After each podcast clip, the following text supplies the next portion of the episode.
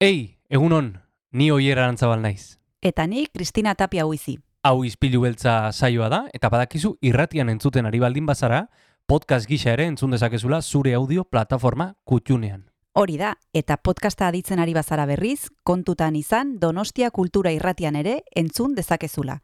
FM eundazazpi puntu lau frekuentzian. Sare sozialetan ere topatuko gaituzu noski, izpilu beltza bilatuta, Instagram, Facebook eta Twitterren. Besterik gabe, guazen gaurko saioarekin. Az gaitezen,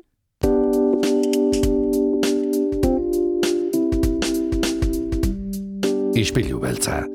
Donostiako kulturaren berri, Oyer Arantzabal eta Kristina Tapia buizirekin.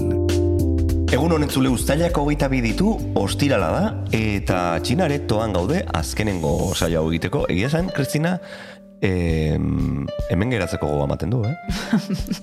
bai, eko pixka dago. Eko pixa bat. Baina, bueno, leku polita da. Hiriburuaren erdian gaude, ezakit. Bai, dauka kortina luzeak, Bai. sofak, tapizak, paretetan. Bueno, ja egun honik ez dugu emango, hemen ja azigarelako, atope azigarelako. e, gaur hemen txinaretoan azkenengo saioa, eta, eta bueno, jasaldiko gobiatu gehiago e, Bai. izango ditugu. Bai, oso gombidatu interesgarria ze, bazenekin e, Donostiak badaukala Big Band bat, e, musik e, Donostiako e, musika eskolaren inguruan sortutakoa, eta guk zuzendaria gombidatu dugu, Mikel Romero, eta kontatuko digu, ba, nola den zuzentzea olako proiektu bat, jasaldian egoten dira urtero kontzertuak eskaintzen, eta urten ere horrelaxe izango da, eta gainera, badekizue ostirala denez, liburutegietara hurbiltzen garela, liburu bat e, gustatzen zaigula liburu zainek gomendatzea, asteburura begira, eta gaur maite lopetegi etorriko zaigu. Hori da, e, ostiralero zehatzen gara, ba bueno, liburu gomendioren bat e, ekartzen liburu zainen eskutik, lujo delako ere, zenbat liburu tegi dauzkagun irian, zenbat liburu zain, eta zenbat e, e, mm, gomendio, ez? E, gu saiatzen gara baten bat ekartzen ostiralero, e, gainera jasaldi ez ingo dugu esan bezala, eta Jon Gartziaren baimenarekin, agian az gaitezke gaurko saiarekin. Hori da, guazen gaurko izpilu beltzarekin.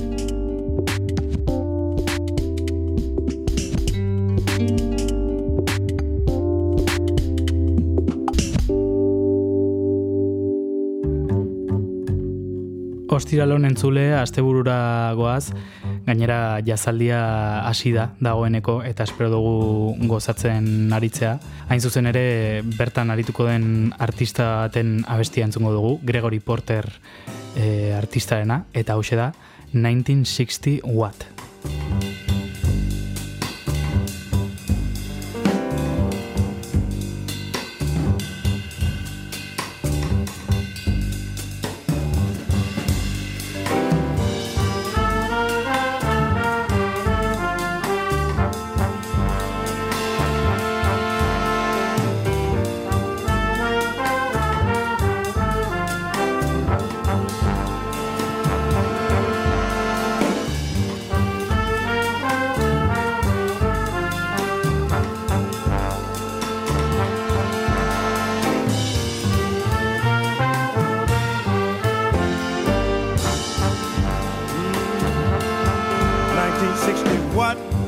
1960 who?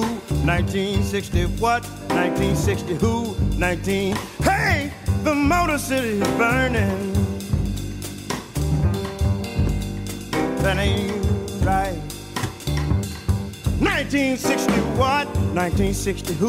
1960 what? 1960 who? 19. Hey, the Motor City is burning, y'all. That ain't right.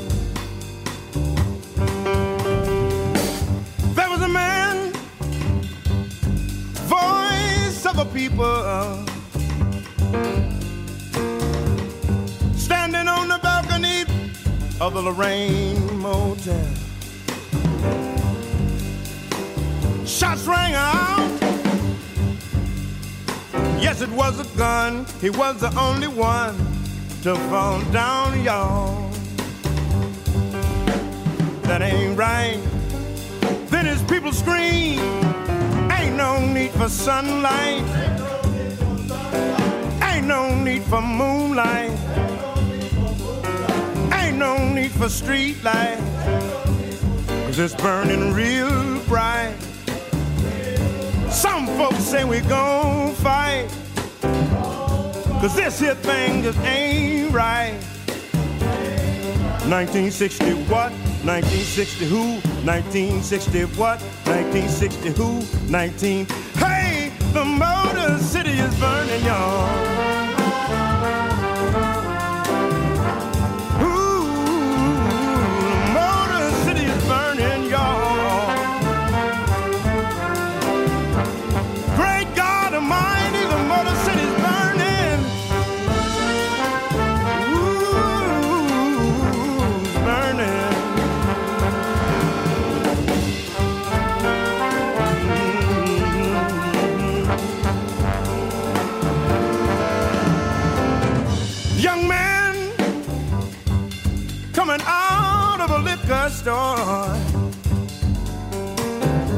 With three pieces of black licorice in his hand, y'all.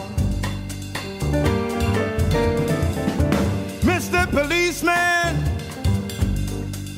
thought it was a gun, thought it was the one. Shot him down, y'all. That ain't right. Then his mama screamed, Ain't no need for sunlight.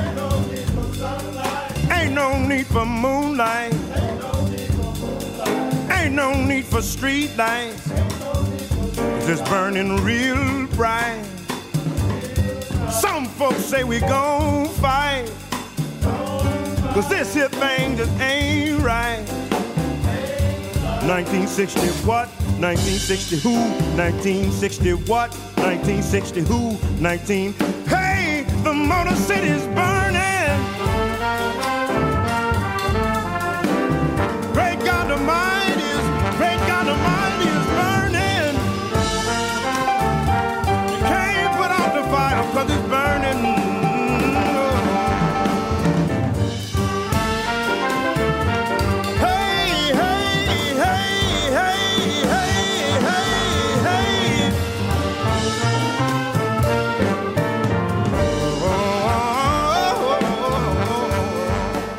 Jon Gartziaren musikarekin aurrera goa zizpilu beltzean eta e, txina areto honetan ja neurri hartuta, Kristina. bai, gustora gaude hemen. Gustora gaude, gustora gaude, batez ere e, jende interesgarriarekin hitz egiteko aukera daukagulako eta jasaldiaren jarraipena egin dezakegulako bertako musikarien bitartez. Bai, eta orain proiektu oso bitxi baten inguruan arituko gara. Nik uste dut e, ederra dela jakitea Donostiak baduela Big Band bat, eta hemen e, gure parean daukagu Mikel Romero, proiektu honen zuzendaria, e, jasaldian kontzertua eskainiko dute, uztailaren hogeita iruan izango da, zazpiterdietan, frigo gunean. O- Hori da, frigogunean, zazpietan izango da Zazpietan kontzertua. Bai, Eta, ba, egunon, asteko eta behin, e, Mikel Romero, zer modu zaude? egunon primeran. Esan beharra daukat, gutxienez, eh, donostian bi big band daudela. Ah. Bai, musika eta dantza eskolan bi big band daude. Joko duena da, ba, bueno, Big Band lau, edo bueno, laugarren mailako ikasleen Big Bana, baina badaukagu beste bat ere, eta ekainaren hogeita batean bulebarrean ibili ginen biak ere jotzen. Mhm. Demagun e, entzuleren batek ez dakala arrastorik Big Band bat zer den. E, e, zaila da igual, eh? baina e, zer da Big Band bat? Bueno, talde handi bat, talde handi bat, bai. E, jasaren garaian sortutako formazio mota bat, non normalean edo ohiturako egitura dan, ba, bost saxofoi, lau tromboi, lau trompeta, oinarri ritmikoa, eta gero horretaz gain, ba, abeslariak normalean. Hmm. New Orleansera transportatu gaitzaken zerbait? Bai, Nueva Orleansera, Nueva Yorkera, Kansas Cityra, bai, toki, toki guztietara, eta baita ere, ba, bueno, e, gaur egungo musika ere jotzen dugu, formazio horretan. Kasu hontan nork osatzen du talde hau? Ba, talde hau, e, ustaiaren hogeita iruan frigon egongo den talde hori, musika eta dantza eskolako ikaslek osatzen dute. Hau da, ba, donostia eta donostialde inguruko ba, musikari e, amaterrak direnak orokorrean, batzuk ere pues, beren amaterrismo hori ere ba, profesionaltasun edo profesional diren talde batzuetan ere garatzen dute, baina orokorrean ba, amaterrak dira eta eskolako ikasleak dena. Eta ze adin daukate pertsona hauek e, Ba, adin tartea zabala. Aha. Ama sortzi urtetik, esango nuke, irurogeita sortzi dituela ah, bai, eh? nagusiena. Abitu. Bai, niri burura tortzen zait eskola denez, ba, gaztetxoak e, izango direla, baino ez du... Ez du zertan, Ez du izan zertan, behar, ez? ez? Eskola irekita dago adin guztitako pertsonei, eta, bueno, Big Bang hontan, hori, e, gazteak, baina, bueno, e, repertoriak ere bere zeltasuna duen, ez, ba, adin ba- batetik aurrerako gaztea daude, baina baita ere, helduak, jubilatuak ere badauzkago gure artean, ba, beren lan bizitza bukatuta, ba, musikarekin disfrutatzen jarraitu nahi dutenak, eta, eta gurekin daudenak. Mm. Musikan eh, eta taldeetan, ez? Musika taldeetan arazo handienetakoa logistika izaten da askotan, ez? E, taldekide asko direnean, e, e, bueno, e, konjunto tradizionalago batera jota, ba, bueno, ba, bateria jolea, bajua, gitarrista, eta nago, e, e, elkarrekin e, aritu behar direnean. Zuen kasuan, e, musikari asko zarete, eta eta nola, nola izaten da egunerokoa, esan nahi dut, e, ensaioak, en, prestaketa, e, denok elkartu beharra, Bai, bueno, hori, musika eskola izateak ere horrek hori errestu egiten du, ez? Horrelako talde handi bat, e, hori, egitura instituzional batetik kanpo saiagoa litzateke benetan. Gurean, ba, musika eskolan izan da, astelnero ditugu gure entxegoak, badaukagu gure gela, badaukagu gure materiala, eta, bueno, nahiko jarduera egonkorra dara mago, bai. dinamika bat. badaukazu. Dinamika bat sortuta dago, bai, ba, klase dinamika bat bezala, orduan, ba, klasea da berez, orduan, astelenero, e, ikaslea badatoz, musikaria badatoz, eta egiten dugu gure, gure entxegua. Mhm. Eta zuzenean jarduteko aukera non, non izaten du horrelako talde batek?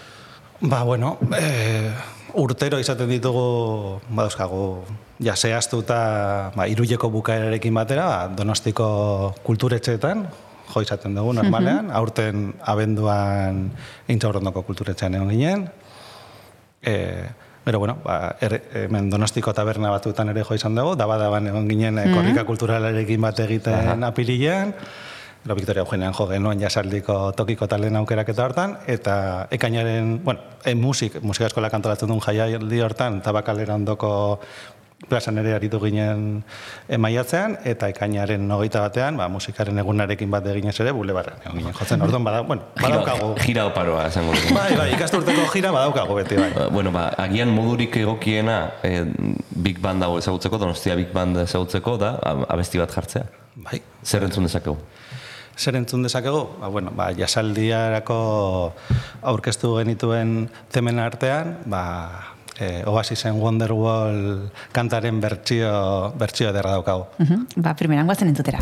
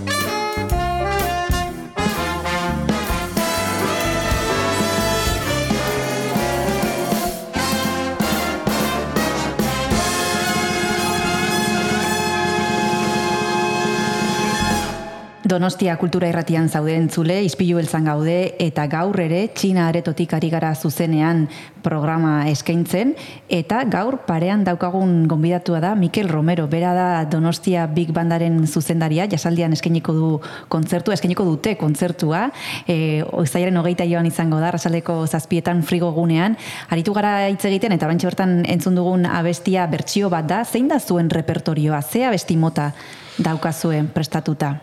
Ba, ba pizka, denetik Big Band ba, formazio hortan jotzen den musika, batetik ba, swing klasikoa, mm -hmm. ez? Ba, Count Big Bandaren tema jotzen ditugu.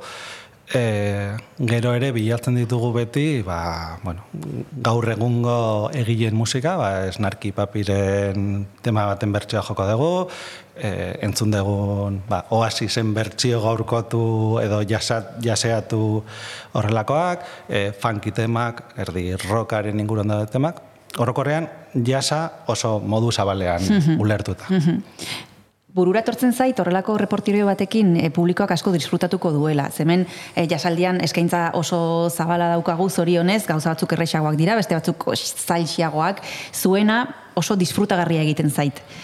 Bai, nik esango nuke, ba, hori, ustaiaren hogeita iruan, saspietan, e, on, kursalaren atzekaldean oro, e, itxasoaren ondoan entzuteko musika proposa, e, abestutako tema asko daude, batzuk ezagunak, eta bai, gozatzeko, edo nor gozatzeko moduko musika jotzen dugu. Jendea mugitzen da kontzertuetan?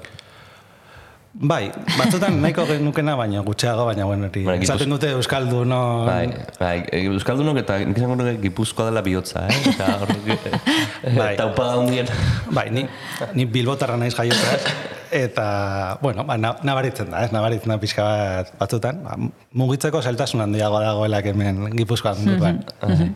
eh, aipatu duzu zein diren eh, talde honen eh, partaideak, baina gauza bat da izena ematea e, eskolan, musika eskolan instrumentu bat jotzeko, baino gero, holtzaren gainean egotea beste gauza bat da, eta nik uste dut jendeak e, gustatzen zaion parte hori, e, lotxatiak diren, disfrutatzen duten, je, publikoaren reakzioare ikusi, ikusten dutenean.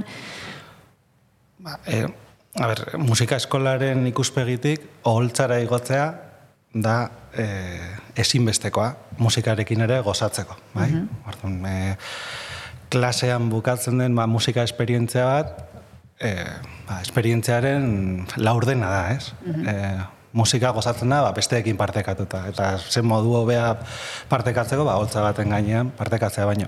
Biguanaren ikasleen kasuan, ba, beraientzat gozamena da, kontzertua. Holtzara igotzea eta... Adrenalina. Adrenalina, ikasturte osoan prestatu dugun hori erakustea, eta jasaldian erakustea ere bai, ba, erronka bat. Eta holtzak engantzatzen du, gainera, esaten dute, ez? Engantatzen du, bai, bai, bai.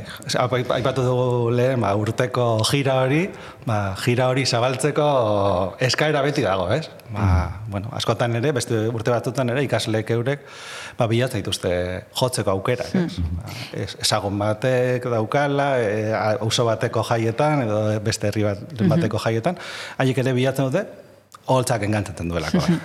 Eta zure papera, Mikel, zuzendari papera, e, nola, nola eskribatuko zenuke, zein da zure funtzioa? Komplikatoa, eh? Definitza, ze, ikusten dena da, ba, pertsona bat, ba, musikaren aurrean besoak, bai. besoak mugitzen, eh? Bai. Ba, ikusle batentzat, momentuan ikusten dena. Baina lan importantea lehenago dago. Mm bai?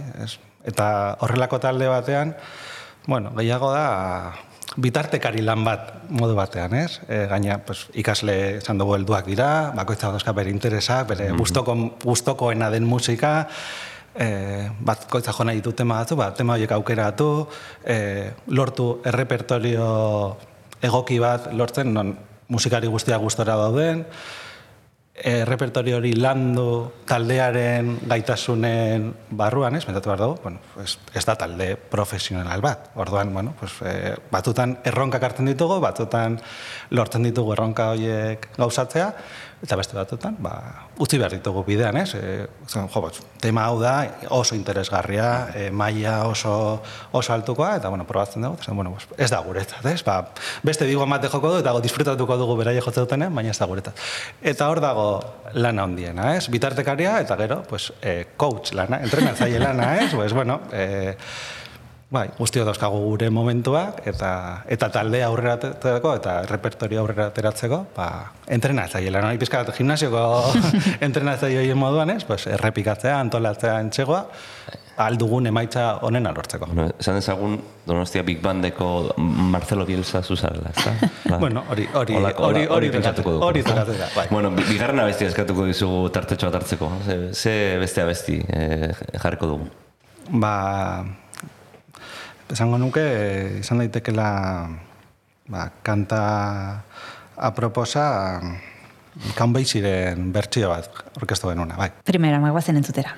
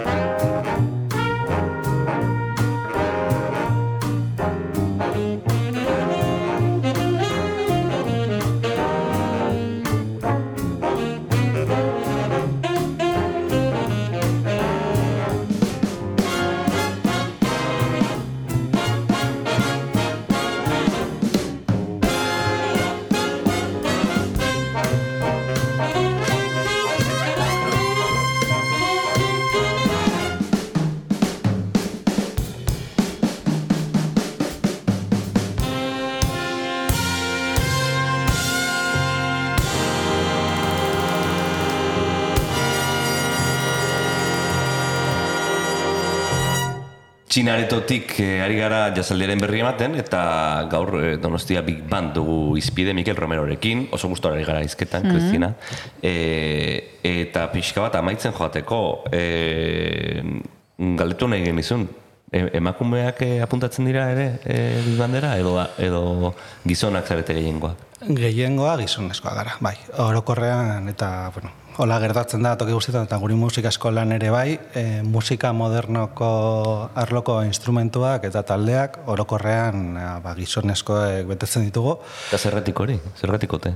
Ba, ez daukagu oso garri, egia ba, tradizioatik datorren hori dagoela, saiatzen gara aldatzen, baina bueno, ba, momentu hontan e, Big Banean bi, bi emakumezko dauzkagu instrumentua jotzen, eta bi abeslari moduan.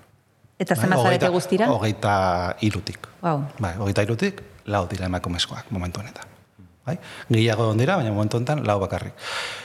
Ba, erantzun zaila dauka, eh? E, horrek, e, aldatu beharrekoa dana, ez? eta musika eskolak irekitzen dizkie ateak ba, pertsona guztiei, eta emakumezkoak ere ba, musika modernoko arloko instrumentuak hartzen eta taldetan parte hartzen bultzatzen dugu, baina kostatzen da. Aurrak ere, instrumentu bat aukeratzen behar dutenean, e, neskak direnak, ba, aukeratu dituzte instrumentu konkretu batzuk, eta normalean ez dira musika modernoko e, instrumentuak. Pues, baterian, gitarra elektrikoan, e, emakume gutxi daude. Bitxia.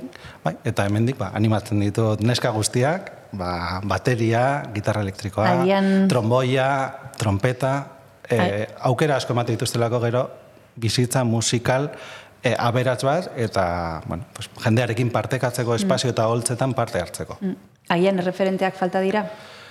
Falta dira, oraindik ere falta dira, bai.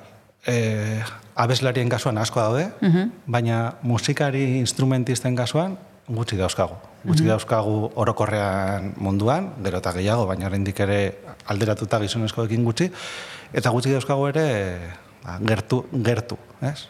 E, bueno, ba, jazz pianista bat, emakumezkoa Euskal Herrian, kostatzen zaigu izena topatzea, ez? Mm. Ez? Sorkunde idigoraz izan genuen hemen e, donostian, musikanen irakasle dagoena, badaude ikasle batzuk emakumezkoak atea direnak, baina ez daukate ba, ikusgarritasun publiko hori, ez? Beharko luketena, eta denok behar duguna, ba, neskak ere animatzeko, eta egon daitekeen talentu hori, emakumezkoen talentu hori ere, pues, a- agerrarazteko, eta Zalantzari gabe, e, gai aldatuz, uda honetarako ze plan daukazue? Ze plan daukagu Big Banarekin? Ba, entxaiatu, astelenero jarraitu gure dinamikarekin, eta hogeita hiru baino lehen ere, ba, aste hortan entxegu berezi batzuk egingo ditugu, hogeita hiruan, ba, disfrutatzeko, ez? Disfrutatzeko ere, ba, prestatuta iritsi behar da emanaldira, eta hori da gure plangintza da, jarraita, Eta, entxaiatzen. eta biz- bigemanaz aparte oportara, ez da? Bai, oporrak, eta bueno, egia esan, ba, Euskal Herrian aukera asko dago ustaian kontzertuak ikusteko, Bai. eta bueno, pues, hor ga- hor gabiltza. Aprobetxatu. Bakoitza ba, bere agenda egiten, ez? Bai, Eskaintza guztiarekin. Bukatzeko, e, galdetukain, galdetu nahiko nizuke, Mikel, aipatu duzu emakumeen gaia hori ez dala gehiegi aldatu, azken urteotan, zuek proiektua aspaldigitik e, jarri zenuten martxan. Ez dakit geroztik e, ze gauzatan egon diran aldaketak. Argi daukagu emakumeen, e, emakumeek ez dutela ba, nahi adina izena ematen proiektu hontan, baina beste gauzak nola aldatu dira? Ba, esango nuke nahiko, nahiko egonkor daukagula egoera, ez? Gure eskolan bai aldaketa izan zela, ba, Big Bang bakarra izatetik, ba, bi sortzera, ez? Horrek ekarri zuen, pues, ba, banaketa, baita ere aukera eman genion jende gehiagori parte hartzeko Big Bangetan, ez? Bakarrak azkenean, ba, mugatuak dituz, dituelako musikari postuak, eta birekin, ba, biderkatu egin dugu, eta aukera eman, gehiago eman dugu. Baina bestela ere, ba, bueno, gu hor gabiltza ez, e, uste dut hasieratik e, asmoa hori zela, ez, ba, musikari amateurri eta ikasle direnei ba, aukera emateko formazio berezi honetan parte hartzeko, eta hasieran komentatu dugun horri erantzun ez ber- berriro, ba, erakunde batetik kanpo sortzea oso zaila den e, formazio mota bat, Bai. Ez, talde txiki bat mantentzea zaila da, ba, imaginatu hogeita hiru musikarirekin, ez baldin badago instituzionalizatu da sartu, eta, bueno, astelenean zeidatik sortzitara da entxegoa, eta toki hontan da, eta jazta, ez da baiatu beharko balitz, segunetan egiten behar den entxaio, astero, Bai, bai. ba, ezin esko alitzazek, ez? Orduan, hasieratik hortarako zegoen bigbana, eta horre- horrela jarraitzen du. Ba, sorte hon, eta, eta gustora asko entzungo zaituztegu, esan bezala, goratuko dugu, e, hogeita iruan, za- zazpiretan, frigo gunean, izango da. dela, eta besterik ez? Ba, eskerrik asko Mikel Romero izpilu beltzara urbiltzeagatik eta horrengor arte. Eskerrizk asko zuei. Agur. Agur.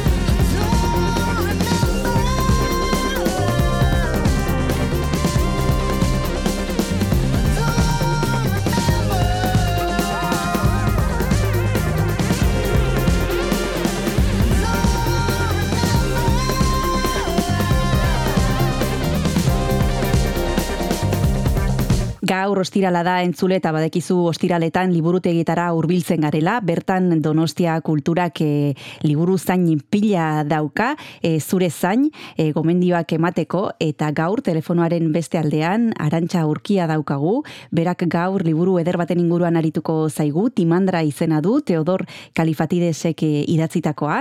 Egunon, arantxa zer modu zaude? Egunon, Kristina, ondo eta zu. Oso ondo, ba, zurekin hitz egiteko gogoarekin, beti daukat gogoa, baina gaur bereziki, ze egondu naiz Bai. irakurtzen e, gainetik pixka bat e, timandraren inguruan, eta Bai. jo, oso polita, bueno, polita interesgarria iruditu zait e, idazleak planteatzen duen e, gaia, gainera e, egunotan e, pilpilan, asteotan pilpilan dagoen gaia da, eta nahiko nuke asteko arantxa kontatzea zer kontatzen duen e, Teodor Kalifatidesek timandra eta zergatik aukeratu zunzuk liburu hau? bueno, e, niretzat e, timandra maitasunari buruzko liburu bat da. Mhm. Eta e, ederra, e, novela bikaina da. E, bueno, e, zergatik aukeratu dut? Ba, lehenengo gauza kalifatidez ezagutu nahi nuen e, idazle, idazle hau e, duela gutxi argitaratu izan da erderara, eta ja ditu hiru o lau e, novela e, politak. E, epatuko dizut izen baten batela, Asedio de Troya, gomendatzen dizuet, kalifati dezena, Lo pasado no es sueño, eta baita ere Madres e hijas. E, Asedio de Troyan eta Madres e hijas eta Pasado es sueño, ba, pixka bat bere autobiografiakoak dira. Eta oraingo honetan, e, bere azken novela da timandra, e, eta ematen dio ahotsa e, emakume batei.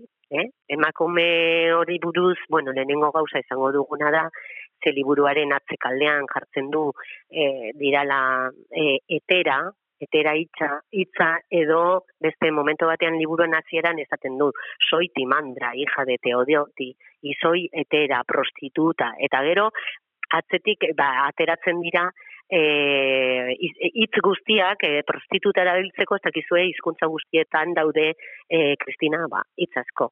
Baina realitatean lehenengo gauza izan nahi duena da etera ez dala prostituta bat.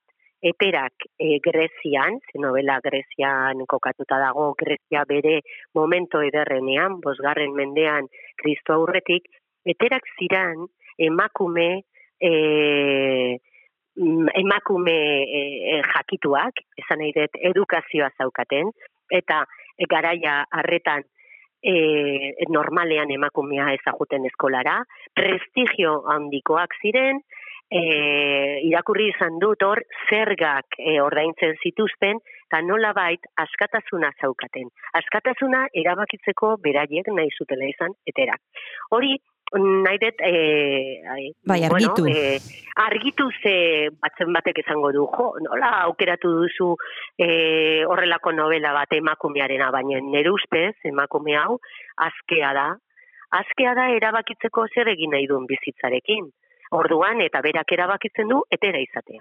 Gero kontatuko dizuet pertsonaia batzuk nolakoak diren, baino argi geratzea. Bueno, eh, jakin ezazue, etera horiek inguratuta zeudela, ba, gizarte horretan, bai eh, filosofoak, generalak, eh, artistak, diran, mm, ez dakit, batek esan zin, bueno, geixa bat bestelakoa. Ez Hori hori etorri zait burura, arantxa. Bai, e, batzuentzat geixak ere, ba, ez dira, bueno, badakizu feministak, ez? Baina nik e, argi esaten dizuet, e, garai horretan konkatu behar dezuela, eta momentu batean liburuan, eta liburua irakurtzen dezunean, berak esaten du, ez du nahi ezkondu. Berak aukeratzen du, e, i, mm, ez dakit, pro, bai, e, profesio hori, momentu batean ere bai esaten du.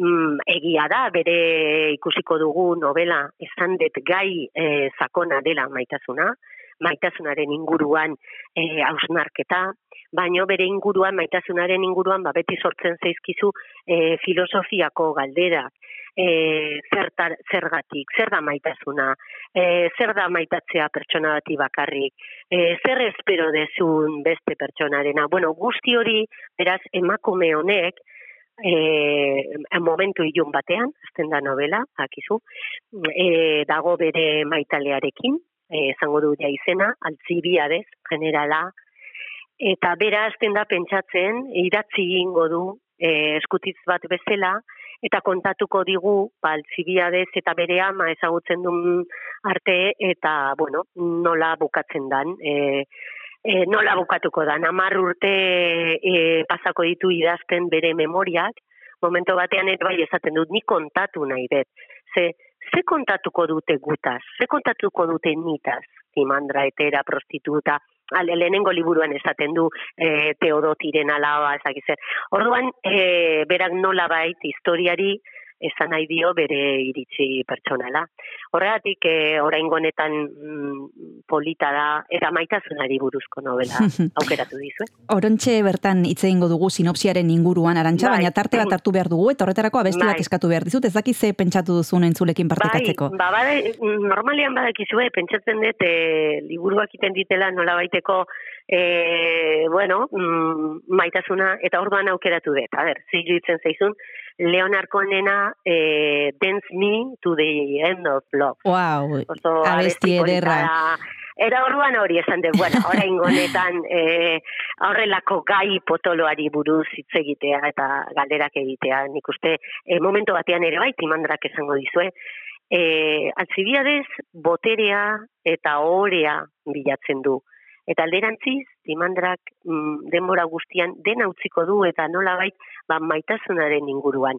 E, izpilu bat da, e, izpilua esan nahi dut e, ze altzibiadez, bultatuko da beti e, timandraren gana, eh, am, biren bizitzan zehar, baino bai, e, badaude baita ere topiko asko, ez, e, gogoratzen dezu urten ez lorbaironek esan zula, eta niri ezai bat ere gustatzen, ba, gizonentza eta modioa edo maitasuna dela, ba, e, tarte bat beraien bizitza. Ja. Eta emakumean da gure existentziaren e, lehenenga, hori ez da egia, esan nahi dut, baino, mm, bai agian emakumeak daukagula maitatzeko e, e, modu eder bat.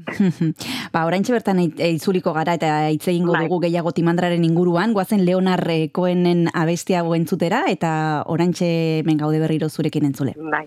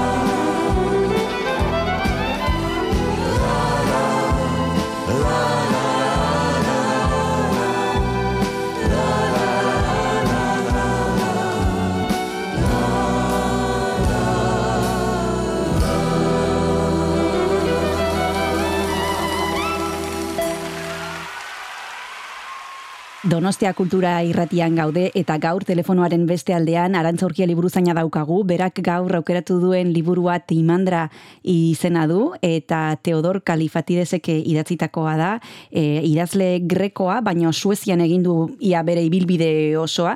Galaxia Gutenberrek argitaratu du liburu hau eta ari ginen hitz egiten sinopsiaren inguruan.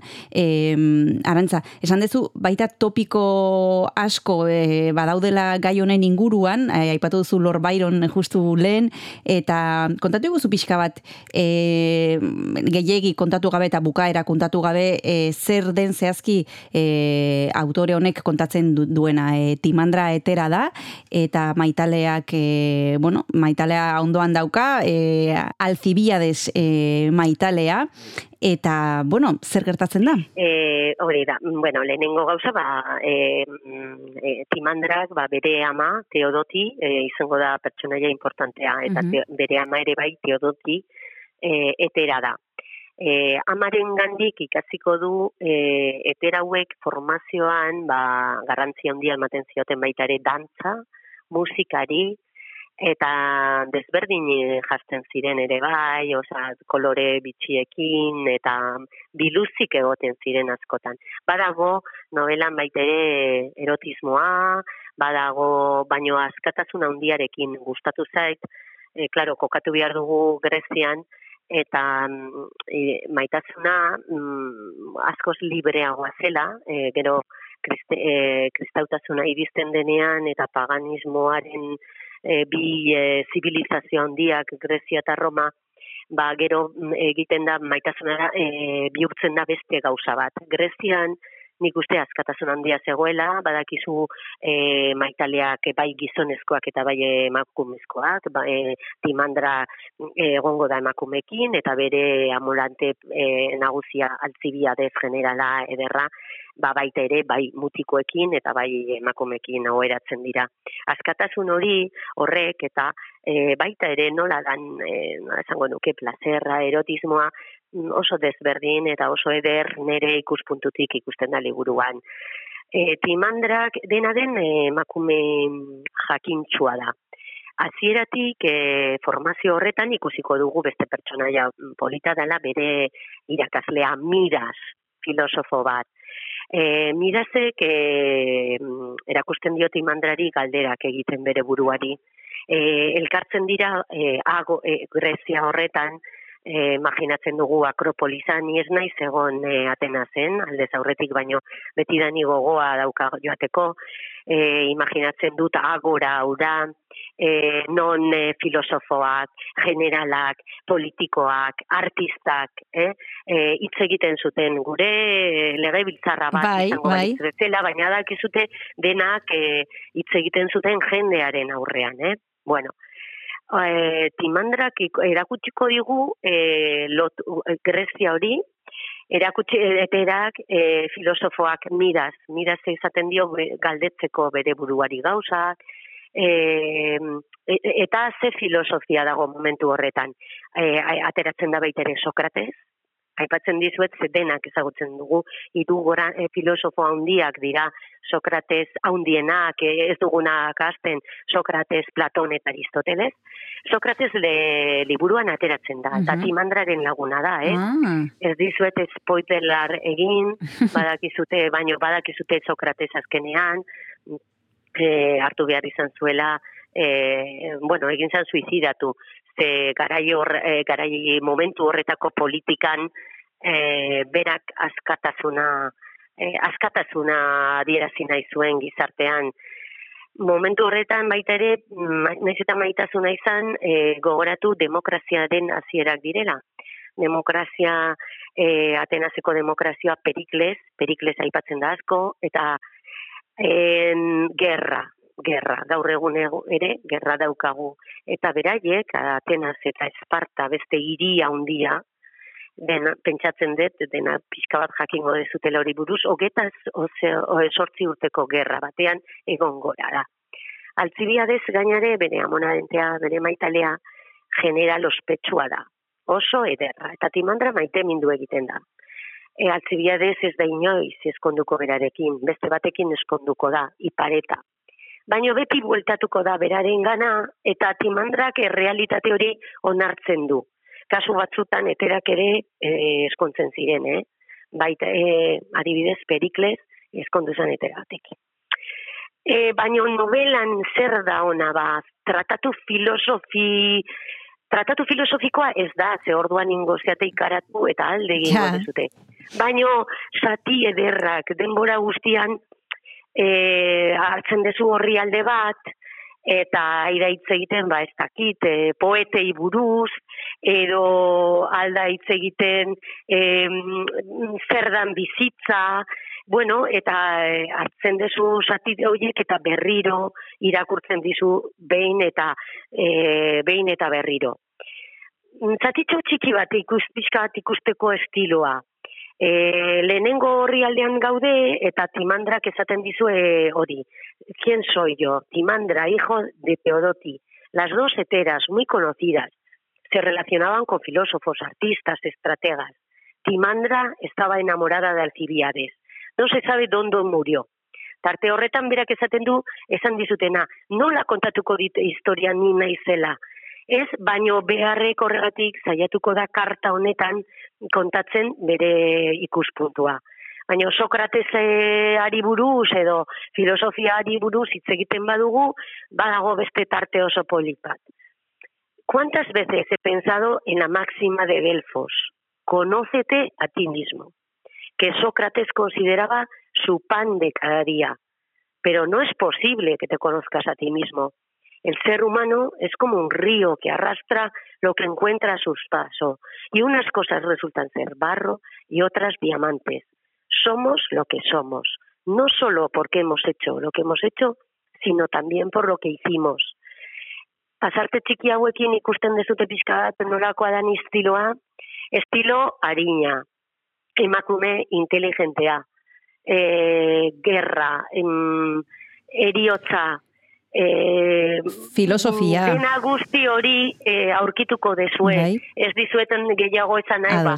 Eta badakizue baita ere, e, igual irakurtzen dezuten neurrian, em, go, mm, oso ondo dago, eta nola danak dankoagu Wikipedia eta dan hori, ba, pixka bat kokatzeko e, ze grezia dan, edo zer dan agora, edo e, badakizu ze pentsatu nuen, igual e, jendeak e, duela gutxi ikusi zuen pelikula hori aspaziarena. Ah, bai, Eh, bai. ez, ez izenburu ez dugu gogoratzen, baina hor bai eh, amena barda egilea, Bai. zuzendaria.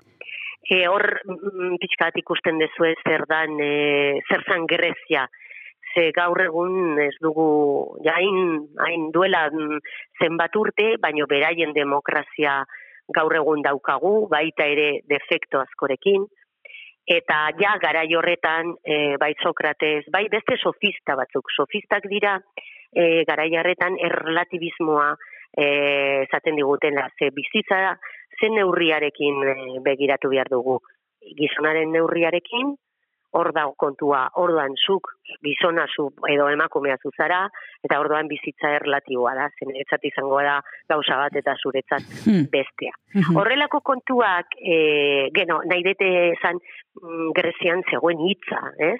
E, jende guztiak zekin hitz egiten, eta jende guztiak e, ematen zion bueltak ba, biz, e, bizitzari, e, gai nagusiak, etorkizuna, eriotza oso presente zegoen, eta baita ere beti esaten dizuten bezala novela honetan dago edertasuna, erotismoa pixka bat, bueno, mm, Gauza asko- izan da, eta deskubrimento bat. Bai, ezta? Cristina. Bai, Bai. E, deskubrimento bat, eta oraintxe bertan hitz egingo dugu autore honen inguruan, eta Bai. bere estiloaren inguruan, baino bigarren tarte hartu behar dugu, eta bigarren abesti bat Bai. eskatu behar dizut, lehen entzun dugu Leonarkoen, eta orain ezakit ze prestatu duzun. Ba, baita ere, pentsatu dut Leonarkoen eta beste Mhm. abesti bat, badizu, aleluia. Oso. Aleluia, de, bai, nahi desun bertsioa. Ados? Agian batzuk gustatzen zaio Leonarkoena baino gehiago ba, ez dakit bon jobi edo horrela.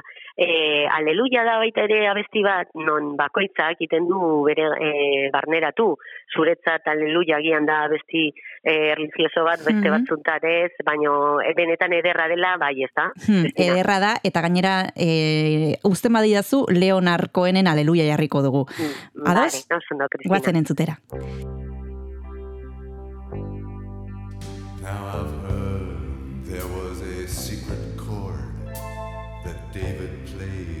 and it pleased the Lord. But you don't really care for music, do you? It goes like this the fourth, the fifth, the minor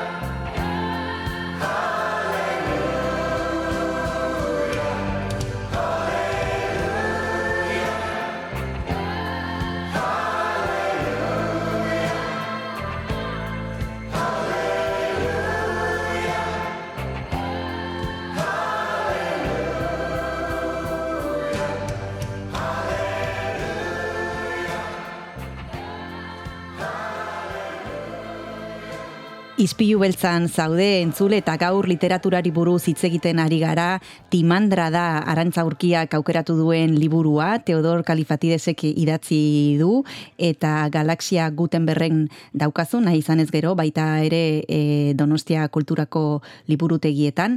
E, Arantza, aipatu dituzu gaiak, ze gai lantzen dituen autore honek, baina ezakit oso zaila egingo zaizun, e, egingo zaigun irakurtzea e, liburu hau. Hizkuntza zaila da iztegia erabiltzen duena e, komplikatua esaldiak enrebesatuak edo erresa egin zaizu irakurtzeko garaian. Oso erresa egin zait, ematen du e, esaten dizuten bezala, esaldiak ez dira e, ez dira luzeak, ez dago iztegi berezi bat, behin kokatuta nun zauden, gerezian, eta filosofia pixka bat, eta personaiak historikoak direla, baina erresa egiten da. E, zergatik harina, harina delako, em, oso ondo e, trama, e, ba, azten zara e, bukaeran dago, bai alzibiadez, eta, eta timandra daude izkutatuta frigiako etxe batean, e, timandrak begiratzen du bere maitaleari, eta beldurra sartzen zaio kanpoan e, daude e, alzibiadezen etxaiak, e, ez dizuet esango zergatik, baino hango garaian generalak eta horrela e, gaur egun bezala alden batzutan zeuden Atenazekin, beste batzutan zeuden Espartarekin, beste batzutan e, baino ulertu behar da baita ere e, zenolako gerra zan. E, ga, mm, garai arteko gerra, e, soldaduak ba, e, joaten ziran bere parna, e, parafernalia guztiarikin, kaskoak, baino zan benetako gerra, ez, esan nahi dut, e, gorputzak daude hor, e, mm, beldurra, eta, mm, bueno, hitz egin dugu asko timandrari buruz, eta Mhm. pixka bat esan nahi dizuet altzibiadez, Bai? pertsonaia interesgarria dela.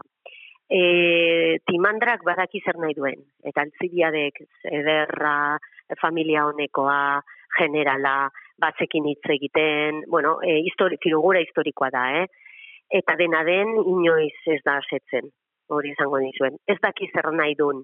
Horregatik esaten dut, dala, e, liburu bat non e, pertsona batzuk el, e, konozete a ti mismo, altzibia ez ez daki zein den, ez daki zertarako bizi den, baina zergatik, ze dena daka, eh, aberatsa da, e, inteligentea eta ez daki ez du lortzen mm, ez du lortzen e, nun egon horregatik e, kapaz da Atenas e, ulertzea, Esparta ulertzea, nola bait nahi du horea denbora guztian, ez? Eta orduan e, bere bidean e, gazte hilko da, ikusiko dezuen bezala.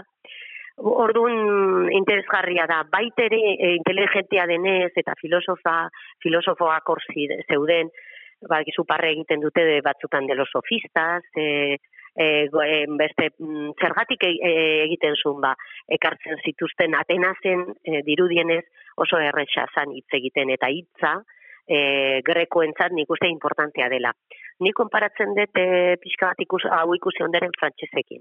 Nik esaten dut beti frantsesak kapaz direla, e, gai bati buruz hitz egiteko bi ordu eta bastante modu honean. Mm. Grezian e, e, irakatsi egiten zen eskoletan eta jendeari hitz egiten, horratik e, hitza oratoria, erretorika, e, horrek zer daka gauza hon bat, diskurso onak egiten dituzula, gauza txar bat, sofismak badakizue, e, kapazbea izaten txuria beltza dela. Bai. Laburtuz bai. sofisma hori da. Bai.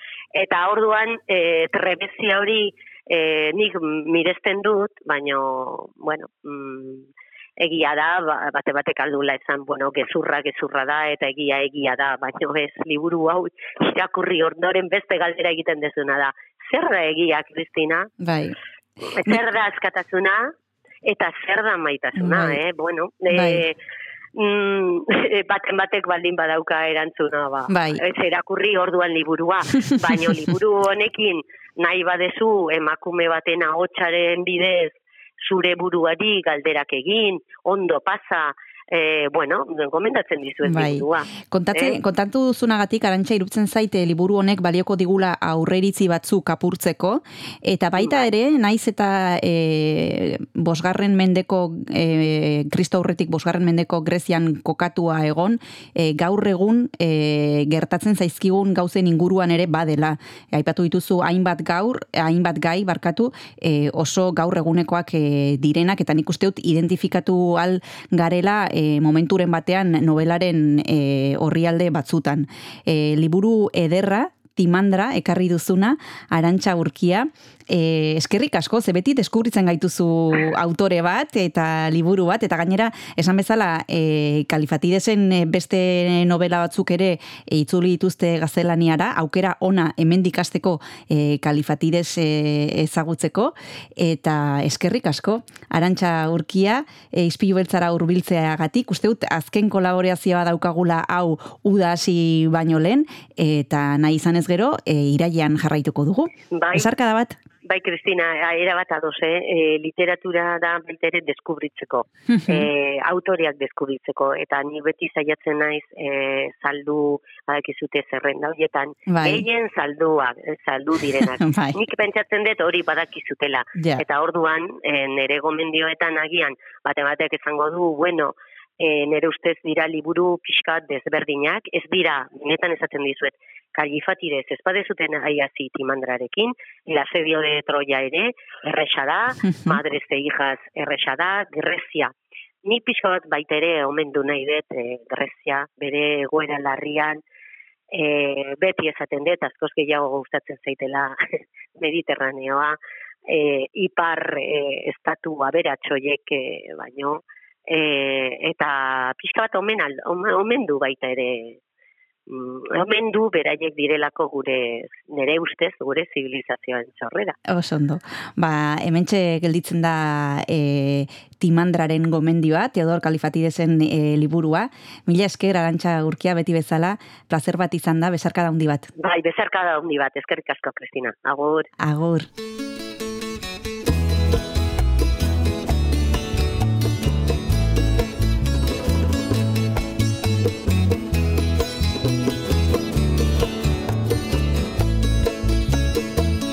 isilik iselek da Raia barrenia Isilik iselek dago.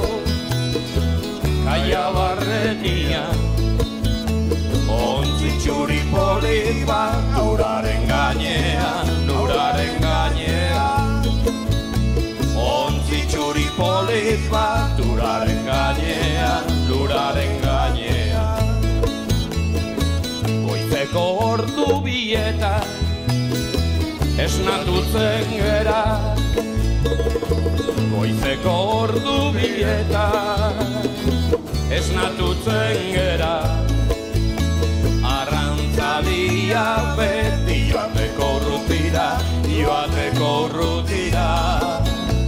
Arrantzaliak beti joateko rutira Joateko rutira Zergaitik, zergaitik Zergaitik negaregi. Zeruan izarra dago itxaso aldetik Itxaso aldetik. Zeruan izarra dago itxaso aldetik Itxaso aldetik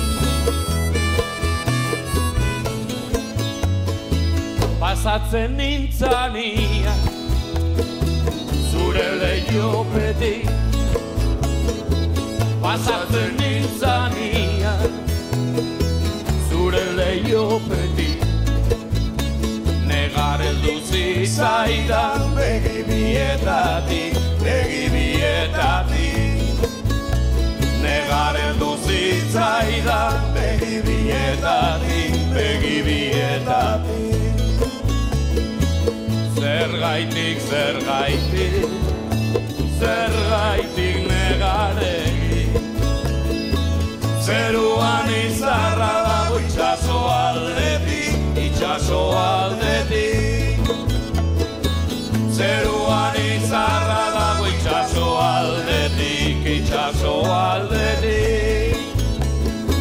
Zeruan izarra dago itxaso aldetik, itxaso aldetik Amaitu dugu txinaretoko azken saioa, amaitu dugu ostira dago, eta asteburu luzea daukagu aurretik, aste artean, itzuriko garelako hemen, e, Donostia Kultura Irratiaren uinetara, baina itzuliko gara indartxu. Bai, oso indartxu gure azken astea izango da, eta eduki mordoarekin bueltatuko gara. Aste artean, Kanariaseko orkestra gaztea izango dugu, Victoria Eugenia Antzokian eskeniko dutelako kontzertua, eta guk Victor Pablo Pérez gonbidatu dugu, zuzendaria, eta gainera, Kresala Zineklubeko Pedro Saldaña etorriko zaigu oier, Tarantino eta Berlangaren inguruan aritzeko. Toma ja, e, gauza potente asko aste artean, baina aste artean iristeko asteburua pasa behar dugu. Hori da. Eta asteburu luzea gainera, beraz, e, bueno, ba, entzuleari gomendatu astebura ondo pasatzeko. Noski. eta deskantsatzeko eta bide batez gogoratu, ba, astelenetik ostialera entzun dezakezuela ispilu beltza betiko lekuetan Donostia Kultura Irratian eta audio plataformetan arpidetu eta zabaldu lagun artean. Besterik ez, Asteburon. agur agur. Agur.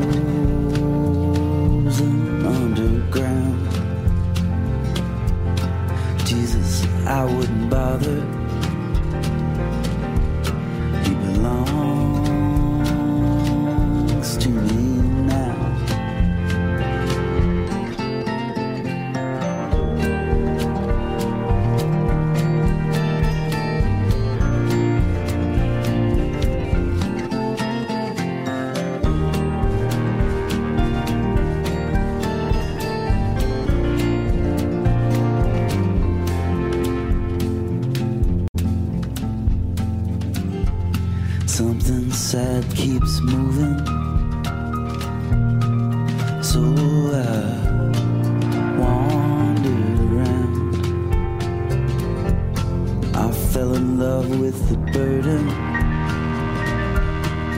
Holding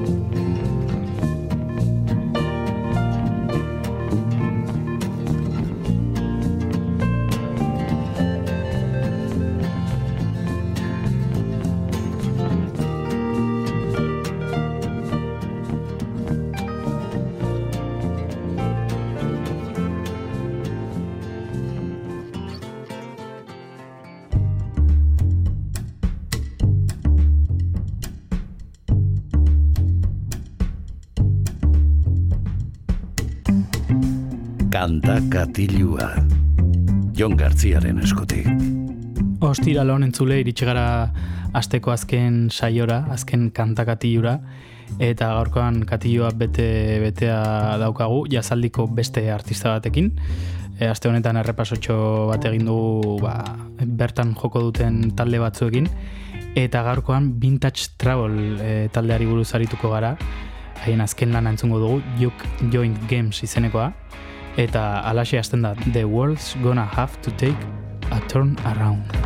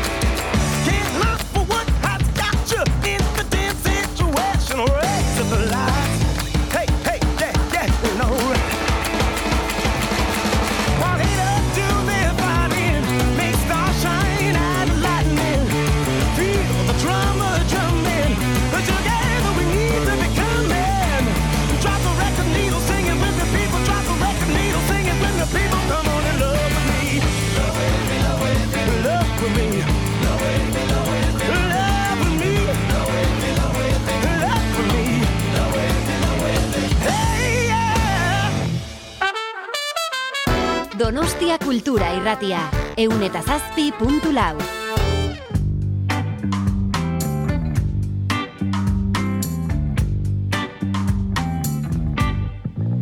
For as long as I can remember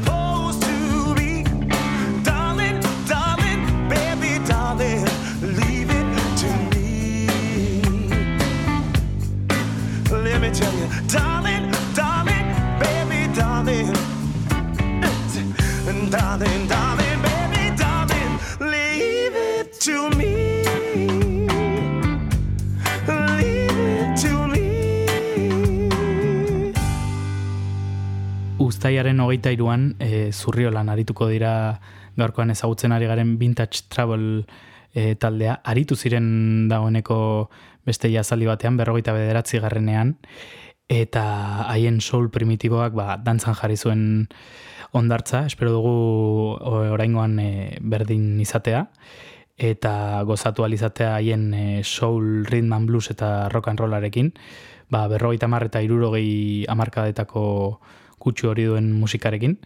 Guazen beste kantu bat ezagutzera, orain txentzun dugu hogeita lau zazpi irureunda irurogeita bost, eta entzungo dugu jarraian Red Handed. You caught me red-handed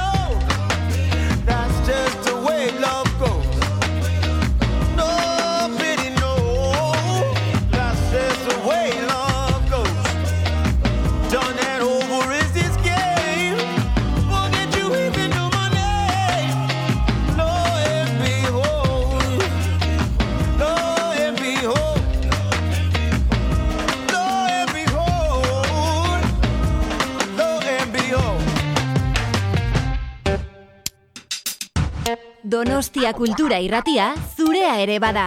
Zatoz eta parte hartu.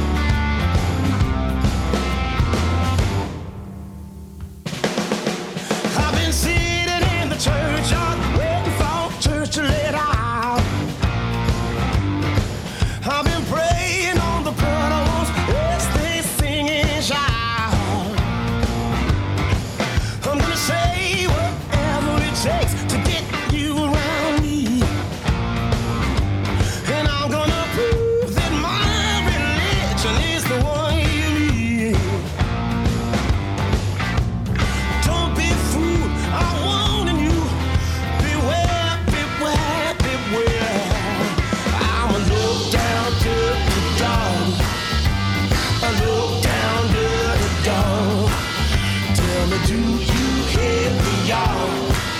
I'm a low down girl. No head over my head to the bone, till I'm dead. I'm a low down dirty dog. Mr. Fox in the chicken coop.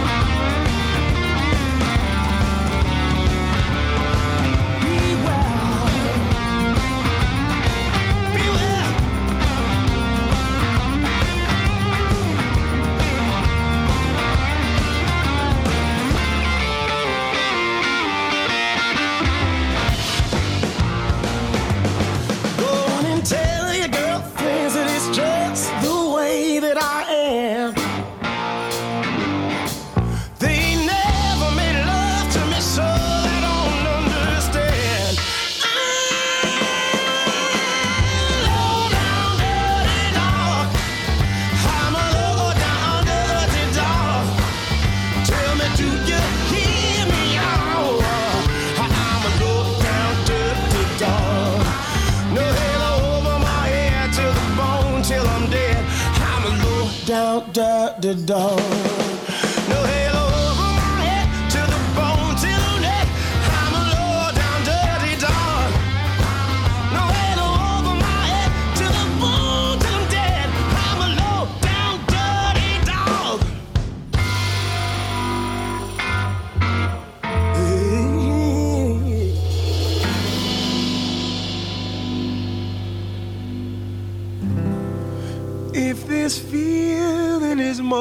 just a feeling. And in love with me, you have fallen out. Then I need a real miracle right here and right now. I've got this suspicious heart and a mind that's about to blow. See, my soul feels your So I've been avoiding the signs in denial of what they show. Cause your eyes have been avoiding mine. Let it not be so. I'd rather go there.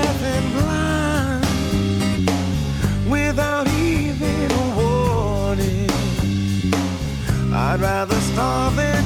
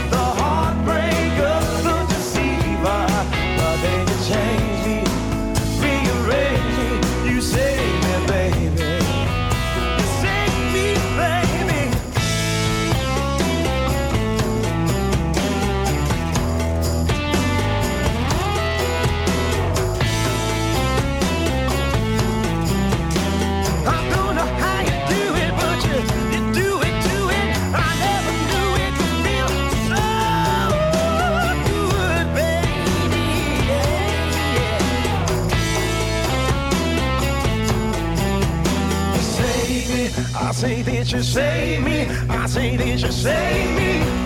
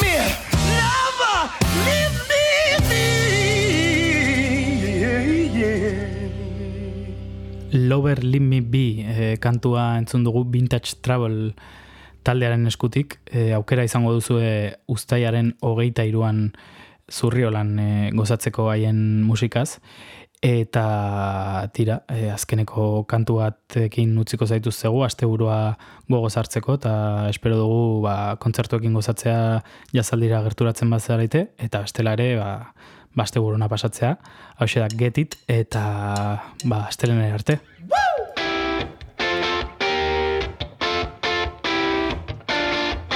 right.